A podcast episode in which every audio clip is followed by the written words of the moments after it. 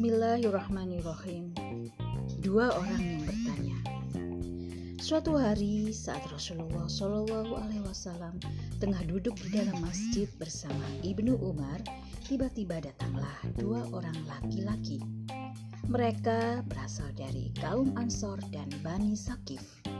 Keduanya hendak menanyakan sesuatu kepada Rasulullah Shallallahu Alaihi Wasallam.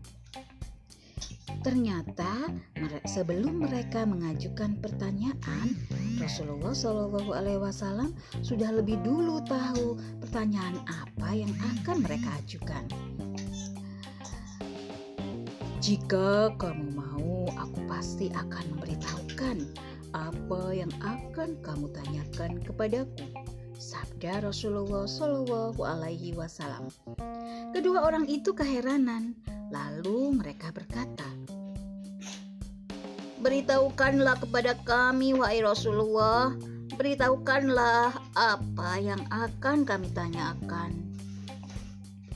Kalian datang menghadapku, hendak bertanya tentang balasan apa yang akan kalian dapatkan dari niat kedatangan kalian ke Baitullah, tentang apa balasan dari lemparan jumroh kalian, dan tentang balasan dari kurban yang telah disembelih dan tawaf ifadah kalian.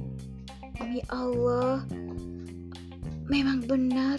Sesungguhnya kami datang kepadamu untuk menanyakan semua itu ya Rasulullah. Mereka takjub dengan kemampuan yang Rasulullah Shallallahu Alaihi Wasallam miliki. Rasulullah Shallallahu Alaihi Wasallam pun menjelaskan kepada mereka tentang keutamaan ibadah haji.